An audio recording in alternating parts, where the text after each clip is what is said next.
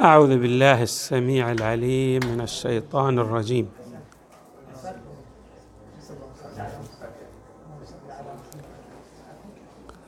بسم الله الرحمن الرحيم والحمد لله رب العالمين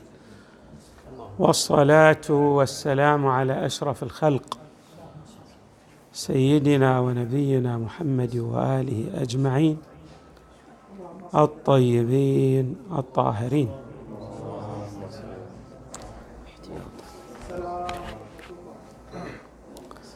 قال الله تعالى في القران الكريم يا ايها الناس انا خلقناكم من ذكر وانثى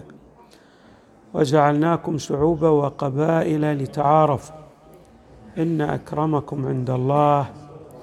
اتقاكم ان الله عليم خبير صدق الله العلي العظيم نبارك لكم هذه المناسبة العظيمة ميلاد المصطفى صلى الله عليه واله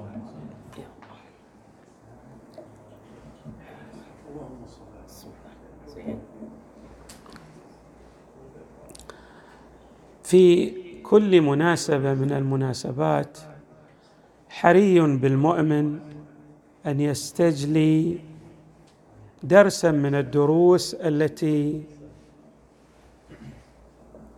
يستفيد منها في تلك المناسبه وميلاد النبي صلى الله عليه واله بالتاكيد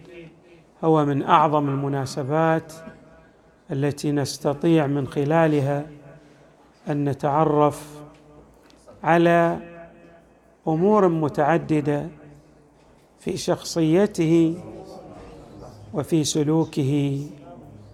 وفي مجال تاثيره ايضا وفي مجالات متعدده ترتبط بالمصطفى صلى الله عليه واله صل وسلم على محمد وال محمد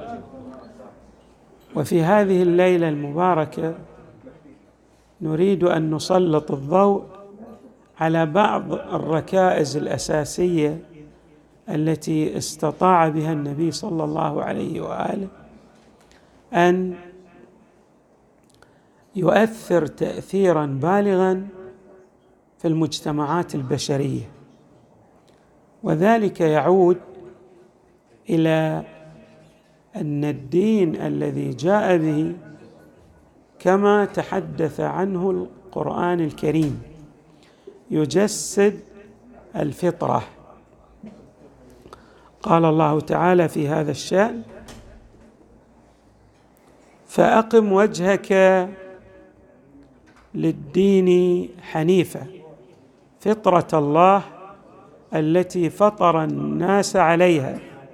لا تبديل لخلق الله ذلك الدين القيم ولكن اكثر الناس لا يعلمون اي ان هذا الدين لو فكرنا فيه مليا سنجد انه يتناسب منسجما مع فطره الانسان وكما ساسير في بعض الركائز الاساسيه التي اولاها النبي صلى الله عليه واله والوحي الالهي عنايه فائقه وان هذه الركائز كل ركيزه منها هي ركيزه فطريه اي ان الانسان لو نظرنا اليه في اي مجتمع من المجتمعات البشريه سنجد انه يتوق ويرجو لنفسه اذا كان سويا ان تطبق عليه تلكم الركيزه الركيزه الاولى التي ركز عليها النبي صلى الله عليه واله الغاء التمايز بين الانسان واخيه الانسان بمعنى ان الناس سواسيه يختلفون طبعا في الميزات يتفاضلون فيما بينهم بعقولهم وايضا بعلمهم وايضا بتقواهم هذا لا اشكال فيه ولكن ان يفترق انسان عن اخيه الانسان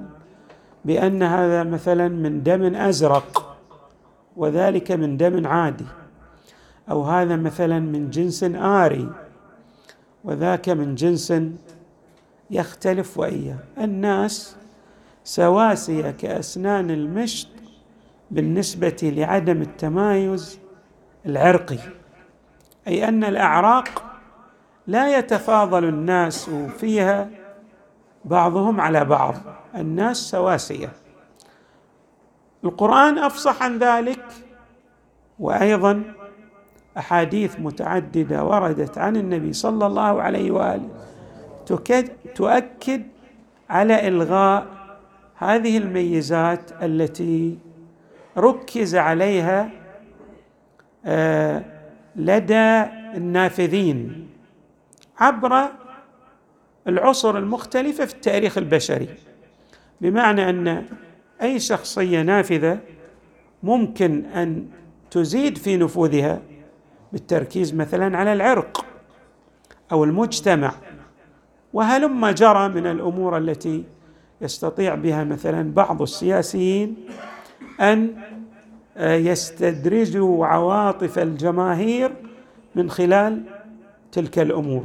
مثلا نجد مثلا ادولف هتلر ركز على ان العرق العرق الاري هو افضل عرق ايضا تجدون مثلا اليهود الى يوم الناس هذا يرون بل يعتقدون ان ذلك من صميم عقيدتهم ان الله خلق البشريه باجمعها لتخدم الانسان اليهودي وانه لا غضاضه آه، ان يقتل اي شخص في البشريه من اجل خدمه اليهود الامر في الشريعه الاسلاميه ليس كذلك الناس يتساوون في اعراقهم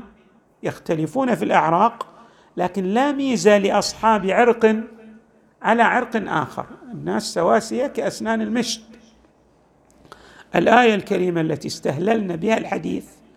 تؤكد على هذا المطلب يا ايها الناس انا خلقناكم من ذكر وانثى وجعلناكم شعوبا وقبائل لتعارفوا ان اكرمكم عند الله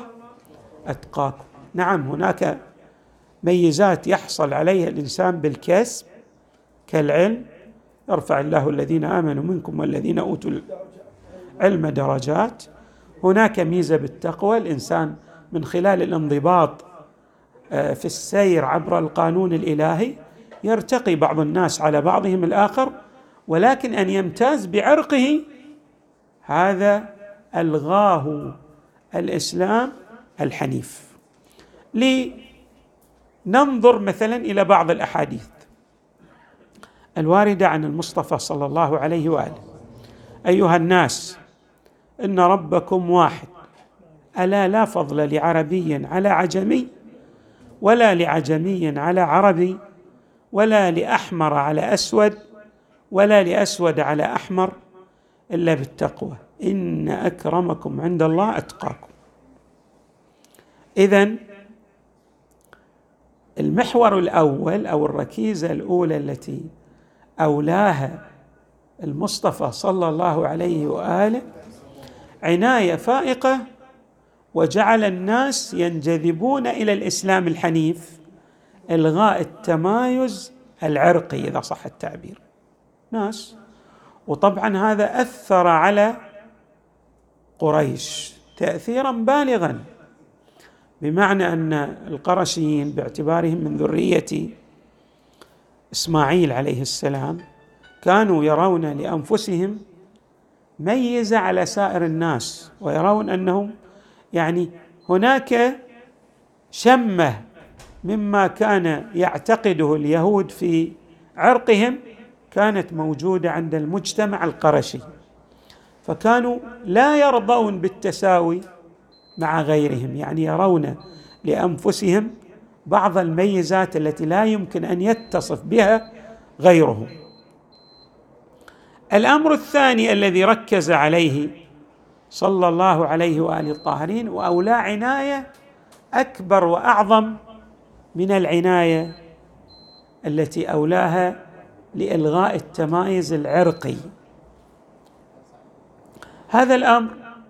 يعتمد على مساله العدل الناس كما تعرفون يمارسون الظلم بشتى ضروبه واصنافه والقوي ياكل الضعيف ولا زال الناس الى يومنا هذا يعتبرون ذلك من الذكاء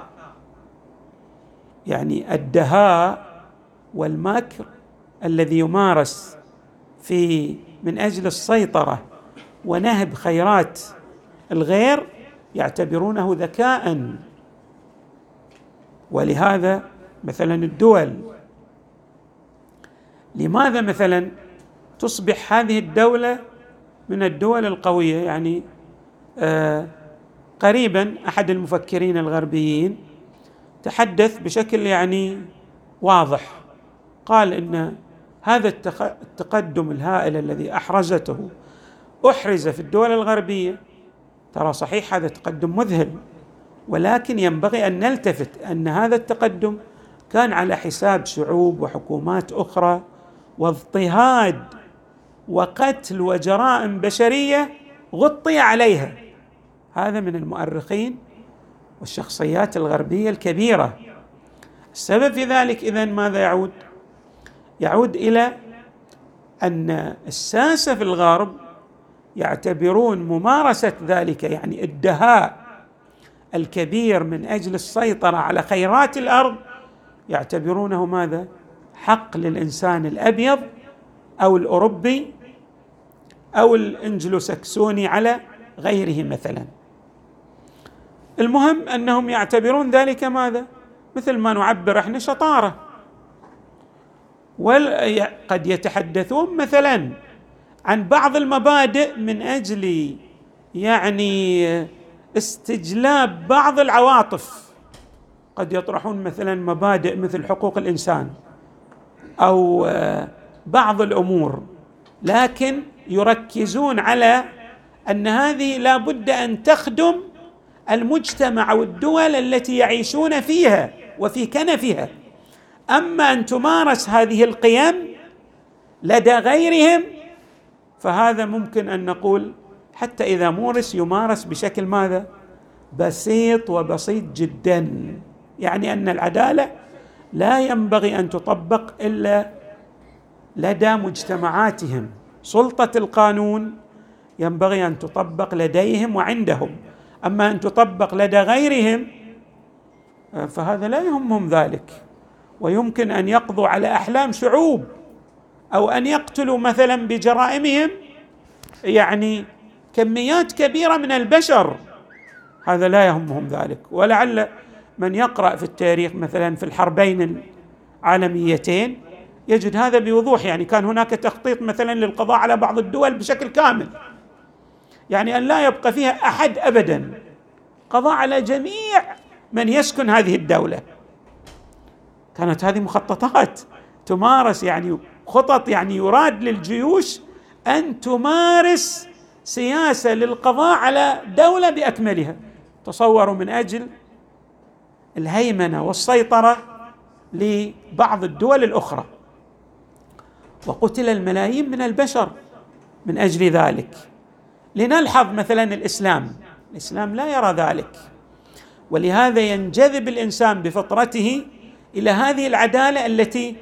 ارسى دعائمها الشارع الحنيف عبر ايات القران الكريم التي جاءت في الوحي ويمكن ان نعبر المئات من الاحاديث ليست العشرات المئات من الاحاديث وساقتصر على بعضها لاهميته الفائقه مثلا لاحظوا هذه الايه الكريمه يا ايها الذين امنوا كونوا قوامين لله شهداء بالقسط ولا يجرمنكم شنآن قوم على ألا تعدلوا اعدلوا هو أقرب للتقوى واتقوا الله ان الله خبير بما تعملون المساله اذن الله تبارك وتعالى يقول حتى الذي يظلمك لا ينبغي ان تمارس سياسه الظلم تجاهه حتى اذا قدرت عليه لا يسوغ لك ان تمارس ظلما تجاه اخيك الانسان هذا مبدا يكرسه القران الكريم ولكن حتى نحن كمسلمين نرى نحن انفسنا من البعد بمسافات بعيده عنه لماذا لان قد يهمنا ماذا ان يتغلب من يتقرب الينا مثلا في طائفتنا في اسرتنا في من نحبه من الناس لا يهمنا مساله العدل كما ركز عليها الشارع المقدس بينما هو بينما هذا مبدا اساس والله تبارك ولا يجرمنكم شنآن قوم على أن لا تعدلوا يعني مع أي قوم مع أي فئة مارس العدل لأن العدل ركيزة قامت عليها السماوات والأرض هذا أساس طيب الآيات كثيرة إن الله يأمر بالعدل يأمر هذا من أمر الله الذي لا بد أن يتحقق إن الله يأمر بالعدل والإحسان اما في الاحاديث روايات حدث ولا حرج قلت مئات الروايات تحض الانسان ان يتعامل بالعدل مع نفسه مع اسرته مع مجتمعه مع اعدائه ايضا حتى مع عدوك لا يجرمنكم شنانه حتى لو كان هو يسيء لك هذا ليس بداع ان ان تمارس الظلم تجاهه ولذلك تجدون ان التاخر للمسلمين جزء اساس منه يرتبط بممارسه الظلم يعني هناك امور اخرى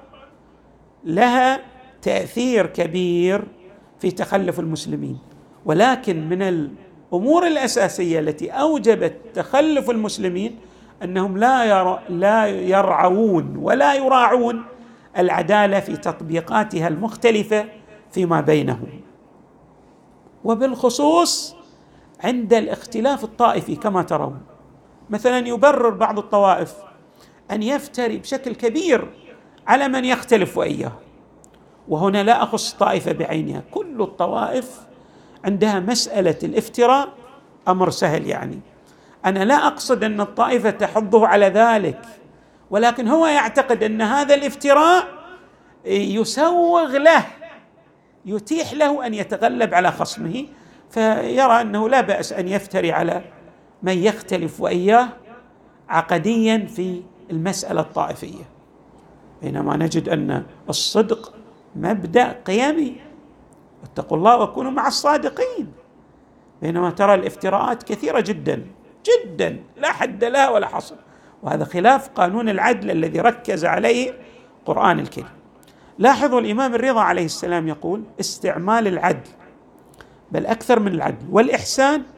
مؤذن بدوام النعم خلاف ذلك يعني مؤذن بالاتيان بالنقم والدمار اذا العدل جد هام يقول إمامنا أمير المؤمنين عليه السلام في وصيته يا بني اجعل نفسك ميزانا فيما بينك وبين غيرك فأحبب لغيرك ما تحبه لنفسك واكره له ما تكره له ولا تظلم ولا تظلم كما لا تحب لا تحب ان تظلم واحسن كما تحب ان يحسن اليك واستقبح من نفسك ما تستقبح من غيرك وارضى من الناس بما ترضاه لهم من نفسك اذا هذه وصيه للامام امير المؤمنين يراد لها ان تطبق في المسار العملي للانسان في المجالات المتعدده وعلى الصعد المختلفه بل اكثر من ذلك ترون مثلا هذا حديث موجود آه النبي كان يخطب ويتحدث عن أهمية العدل فجاءه سواده فقال يا رسول الله أنت في إحدى المرات كنت تسوي صفوف الجيش وكنت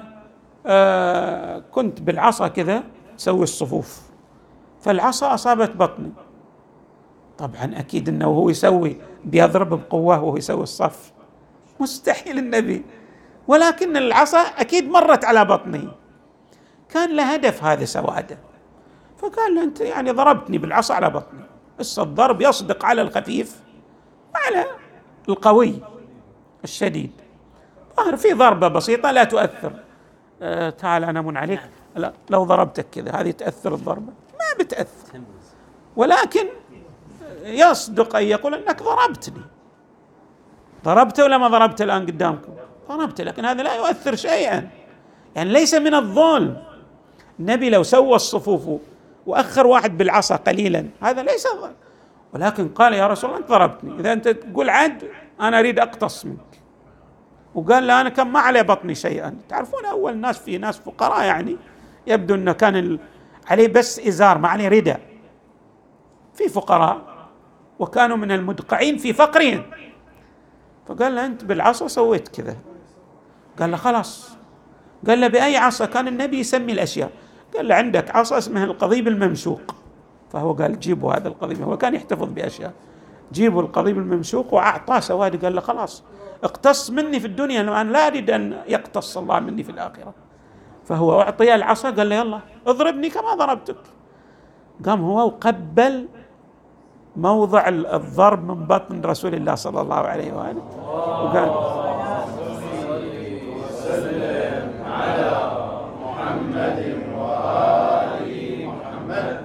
فهل نتصور شخصيه عظيمه يعني اكبر قائد اعظم شخصيه في خلقها الله تبارك وتعالى في الوجود اعظم شخصيه لا تستطيع ان تعبر عن عظمه النبي صلى الله عليه واله لا تستطيع ويكفي ان الله تبارك وتعالى قال ومدح اخلاقه اخلاقه هي ماذا افعال صادره من ذاته المقدسه اعظم من اخلاقه يعني الفعل من اين صدر؟ له مصدر اذا الله يقول وانك لعلى خلق عظيم يعني هو اعظم من اخلاقه لان هذه افعاله المهم انه كان يركز على العداله وارساء دعائم العداله في تعامله المتعدد وانظروا مع هذا المثال الحي التجسيد العملي الان هل يستطيع احد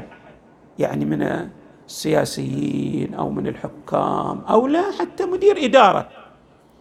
تشوفه يمارس الظلم في حق ماذا؟ من تحته اداريا بشكل طبيعي بل ويرى ان ذلك من الشطاره كما نعبر بينما هو خلاف المبادئ خلاف ايمانه بالاسلام وايمانه بالقران لان العدل كما قلنا مبدا اساس ركز عليه القران الكريم والروايات خلصنا من هذا المثال اكثر من ذلك الله يفصح لنا في ايات متعدده عن ان هذا الظلم له مغبه ويؤدي الى ماذا الوبال والعواقب الوخيمه على الانسان في الدارين في دار الدنيا وفي الدار الاخره ان الله لا يهدي القوم الظالمين اصلا الظالم هذا الله لا يحبه ايش معنى لا يحبه يعني يقطع عنه المدد وانا الان اشير الى شيء يعني قد يقدر الله لك مثلا ان تستمر لك ذريه ولكن لظلمك الله يقطع نسلك ولو بعد خمسه اجيال هذا من الظلم تشوفون الناس مثلا تنقطع تنقطع ماذا اعقابهم اعقابهم لا تستمر يعني ليس له ذريه الظلم وباله كبير جد كبير فيكون نلتفت له الله لا يحب هذا الانسان فلذلك يقطع عنه المدد والعكس من ذلك الانسان لو مارس العداله الله يبارك له في نسله في امواله وقد لا يجد حلاوه وطعم هذا العدل ابان حياته ولكن قد الله يرزقه ولدا صالحا ولو بعد الجيل التاسع او العاشر وقد اشارت بعض الايات القرانيه الى ذلك حتى ان السيد الطباطبائي في الميزان يقول ان عقولنا لا تدرك ذلك يعني التاثيرات الوضعيه التي يجعلها الله تبارك وتعالى كاثر وضعي آه، يستمر في الاجيال في الاجيال انتبهوا ولقد اهلكنا القرون من قبلكم لما ظلموا اما النبي صلى الله عليه واله فيشير الى العدل يقول العدل جنه واقيه كانك تلبس درع لا يصيبك اذى من خلال ارتدائك لهذا الدرع وجنه باقيه كانك تعيش في جنه لا تنقطع لا تنتهي وأيضا يقول عدل ساعة خير من عبادة ستين سنة النبي ستين سنة الإنسان يعيش يعني عمر كامل وهذا العمر شو تسوي فيه تقوم الليل وتصوم النهار طيب الظلم وجور ساعة في حكم من الأحكام أشد وأعظم عند الله من معاصي ستين سنة هذه مبادئ الان يا ترى هل نحن كمسلمين نجسد هذه المبادئ في تعاملنا مع من نختلف واياه بالتاكيد نجد ان المسلم يقول لا اله الا الله محمد رسول الله لكن اذا رايت الافعال ترى العجب العجاب طيب هذا المبدا الثاني اذن الذي جعل الناس ينصهرون في بوتقه هذه الرساله ويحبون المصطفى صلى الله عليه وسلم هو ملك القلوب في أناس يملكون القلب يعني مثل الآن احنا ما نشوف بعض الناس نرتاح إليهم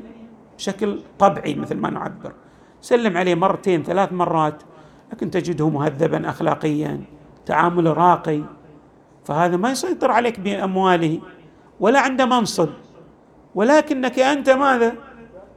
تنحني لاخلاقه اجلالا وتقديرا لهذه السمات الكماليه التي اتصف بها من جمله الامور او الركائز التي هي ايضا فطريه اولا اشير اليها ومن ثم ايضا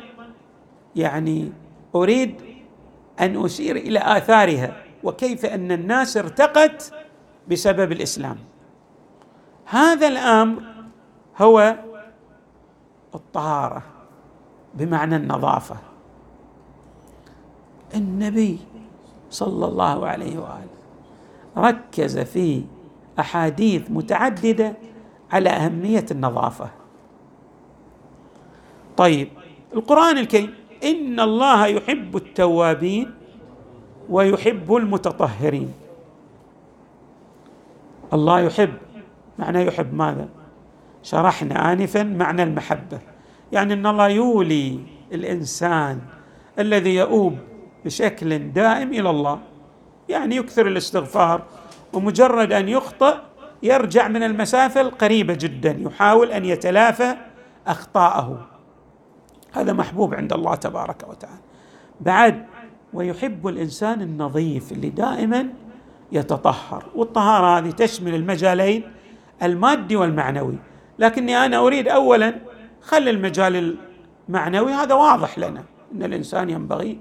ان يزيل الغل والحسد والبغضاء وما يدنس وجوده المعنوي لكن اريد ان اركز على الطهاره من ناحيه ماديه تتعجبون الان آه لو قراتم التاريخ الاوروبي ترى اوروبا من اين تعلمت النظافه؟ من الاسلام من الاسلام ترى كانوا لا يستحمون لا يدخلون الحمامات بل يرون ان ذلك ماذا؟ يرونه من الذنوب يرونه ذنبا من الذنوب يعني كان حتى بعض الشخصيات اللي لهم مناصب ما تستطيع ان تقترب منه لنتانته ما تقدر تقترب منه لأنه ظل أربع خمس سنوات ست سنوات أصلا ما ما داخل الحمام يعني بالكاد وكانت تنتشر بينهم الأوبئة الأوبئة والأمراض بسبب ويفتخرون حتى بعض رجال الدين منهم يفتخر أنه ما لامس الماء أو, أو ما تعامل مع الماء كذا مثلا شهر أو كذا سنة هذا نوع من الافتقار لهم بينما لاحظوا الإسلام الآن سأقرأ عليكم بعضا من الاحاديث هذه ايه بعد ان الله يحب الانسان النظيف اللي يطهر اللي دائما يطلع ماذا حتى ان النبي صلى الله عليه واله كان يركز ايضا حتى على الجنبه الجماليه يعني لا يخرج ليستقبل غيره الا باصلاح دائم كان يمشط لحيته ويرتب وضعه تقول له بعض النساء الان انت بتكلم واحد على الباب يقول ايه الله يحب الانسان يستقبل الناس وهو في ابهى صوره هذه مظاهر تدلل على ركائز الجمال والنظافه اللي هي امور فطريه للانسان ولكن الاسلام كما قلنا في الايات في بعض آي القرآن الكريم وكذلك في الروايات أو لها عناية فائقة نقرأ بعض الأحاديث في هذا الشأن مثل هذا الحديث عن الإمام الصادق عليه السلام ان الله عز وجل آه، يحب الجمال والتجمل ويبغض البؤس والتباؤس فان الله عز وجل اذا انعم على عبد احب ان يرى عليه اثر النعمه هذه فيما يتعلق بالجمال الذي اشرنا اليه اما بالنسبه لما يتعلق بالنظافه حديث نبوي شريف ان الله طيب الله طيب يحب الطيب يحب الانسان الطيب اللي طيب المعنوي والطيب الطيس ما معنى الطيب يعني ان تستطيبه تستلذه تلتئم وياه وتنسجم معه هذا الطيب واطلق ايضا الطيب على هذه العطور ثم يقول الحديث نظيف الله يحب النظافه الله يحب النظافه بينما شوفوا اديان سماويه فهمت غلطا وخطا فاصبح جزء من يعني الطقوس الدينيه الابتعاد عن النظافه كانه يتقرب الى الله بقذارته بينما احنا نتقرب الى الله ماذا؟ بالنظافه وهناك اغسال بعضها بعض علمائنا يرى انها واجبه هذه الاغسال لكن بالتاكيد هي من الاهميه بمكان ويعني لها استحباب مؤكد كغسل الجمعه مثلا واغسال متعدده ترون يعني ترون كما كبيرا من الاغسال من اجل ان الانسان يبرز نظيفا طيبا لان الاسلام ركز على ذلك يقول امامنا الرضا عليه السلام من اخلاق الانبياء النظافه التنظف وعن النبي صلى الله عليه واله تنظفوا بكل ما استطعتم بكل ما استطعتم فان الله تعالى بنى الاسلام على النظافه اكثر ولن يدخل الجنه الا كل نظيف طبعا هذا يشير الى المزج بين الجانب المعنوي والجانب المادي يعني الانسان الجنبه الماديه تؤثر على الجنبه المعنويه والعكس صحيح ايضا الامام امير المؤمنين عليه السلام يقول تنظفوا بالماء من النتن الريح الذي يتاذى به او يتاذى به تعهدوا انفسكم فان الله عز وجل يبغض من عبده القاذوره يعني هؤلاء الذين كانوا يتقربون الى الله كبعض المسيحيين قبل ترى هذا الكلام يمكن يعني مو بعيد مئة سنة 150 سنة كانت يعني تعلموهم 200 آه، سنه بالكثره ولا زال طبعا بعض ال يعني بقايا موجوده من تلك القواعد السلوكيه الخاطئه فان الله عز وجل يبغض من عبده القذوره الذي يتانف به من جلس اليه تشمئز منه وطبعا هذا لا اقول ان المسلمين او حتى لا زلنا الى بعض الناس يعني انا الان بعض الناس يجي يسلم علي اتاذى انه يسلم علي صراحه اتالم ما ودي انه يسلم علي شو اسوي بعد لكن مضطر لان هذا مثلا اتصور انه ظل سنتين يمكن ما فرش اسنانه يعني تقديري لا يعني او ظل فتره بعد هالايام هذا مناسبه كارونا مثلا جات هذه يعني الكمامات وسوت لنا ماذا؟ يعني شيء طيب جدا ابعدت كثير من هؤلاء اللي مثلا ما يفرك اسنانه وكذا خلك يعني ترتاح عشان سلم عليك يعني هو بعيد بالتالي عنك فعلا يعني تقول له عشرات الاحاديث لنظافه الاسنان بينما هذا تجد انه مثلا اسنانه في غايه الصفره وايضا راحه فمه تشمها من بعيد هذا وين آداب الإسلام وين ما جاء من الروايات الواردة عن النبي صلى الله عليه وآله والأئمة عليهم السلام النبي أيضا طهروا هذه الاجساد طهركم الله فانه ليس عبد يبيت طاهرا يعني نظيفا نظيفا الا بات معه ملك في شعاره ولا يتقلب ساعه من الليل الا استغفر له ذلك الملك اللهم اغفر لعبدك فانه بات طاهرا النظافه اذن لها اهميه في شريعتنا نظافة الفم بالخصوص أيضا هذه أوليت عناية جد فائقة مثلا بالنسبة للخلال تخللوا فإنه من النظافة والنظافة من الإيمان والإيمان صاحبه والإيمان وصاحبه في الجنة الحديث هذا المشهور اللي وارد عن النبي صلى الله عليه وآله الذي يقول لولا أن أشق على أمتي لأمرتهم بالسواك مع كل صلاة يعني لولا خوف المشقة أخليك تفرك أسنانك وتفرش أسنانك قبل أن تدخل في كل صلاة بس أنا ما يعني ولما النبي صلى الله عليه وآله يقرب لنا الفكرة بهذا النحو على هذا النسق يعني يشير إلى الأهمية الفائقة التي ينبغي للإنسان المسلم السوي أن يسير على جادتها وأيضا في نظافة الثياب عنهم يقول إذا ثيابك هذا نظف نظف ثيابك صلى الله عليه وآله أي جابر ينقل رواية جميلة عن النبي صلى الله عليه وآله يقول أتانا رسول الله صلى الله عليه وآله فرأى رجلا أشعثا أو شعثا قد تفرق شعره يعني عليه الغبار شعره ما مشط شعره ما عنده اهتمام بال هندام مثل ما نعبر التفت اليه النبي صلى الله عليه وسلم فقال اما كان يجد هذا ما يسكن به شعره وراى رجلا صلى الله عليه واله عليه ثياب متسخه فقال اما كان هذا يجد ماء يغسل ثوبه ترى لا زلنا احنا الان بعض الناس ما يهتم بنظافه ثيابه وهذه طبعا خلاف التعاليم الجائيه عنه صلى الله عليه واله وعن الائمه من اهل البيت بل ايضا النظافه تنعكس على مرافق البيت بعض البيوت فعلا تدخل تشوف المغاسل نظيفه يعني صاله البيت نظيفه كل مرفق كل مثل ما يعبر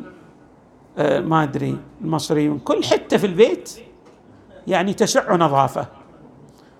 وبعض البيوت يعني فعلا يعني ما كأن هذا قارئ ما جاء من الروايات في اهميه النظافه ما عنده اهتمام ابدا يعني الاشياء يعني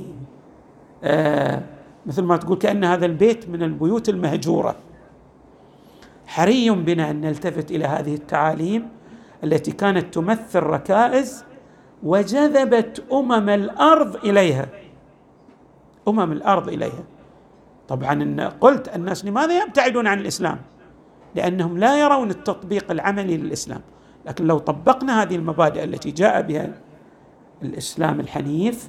بالتاكيد الناس سينجذبون الى الاسلام كما انجذبوا في اوائل البعثه وبعد ذلك وانتشر هذا الدين نسال الله تبارك وتعالى ان يجعلنا مع المصطفى صلى الله عليه واله ومع اله الميامين في الدنيا والاخره والحمد لله رب العالمين صلى الله وسلم وزاد وبارك على سيدنا ونبينا محمد واله اجمعين الطيبين الطاهرين. اللهم صل وسلم على محمد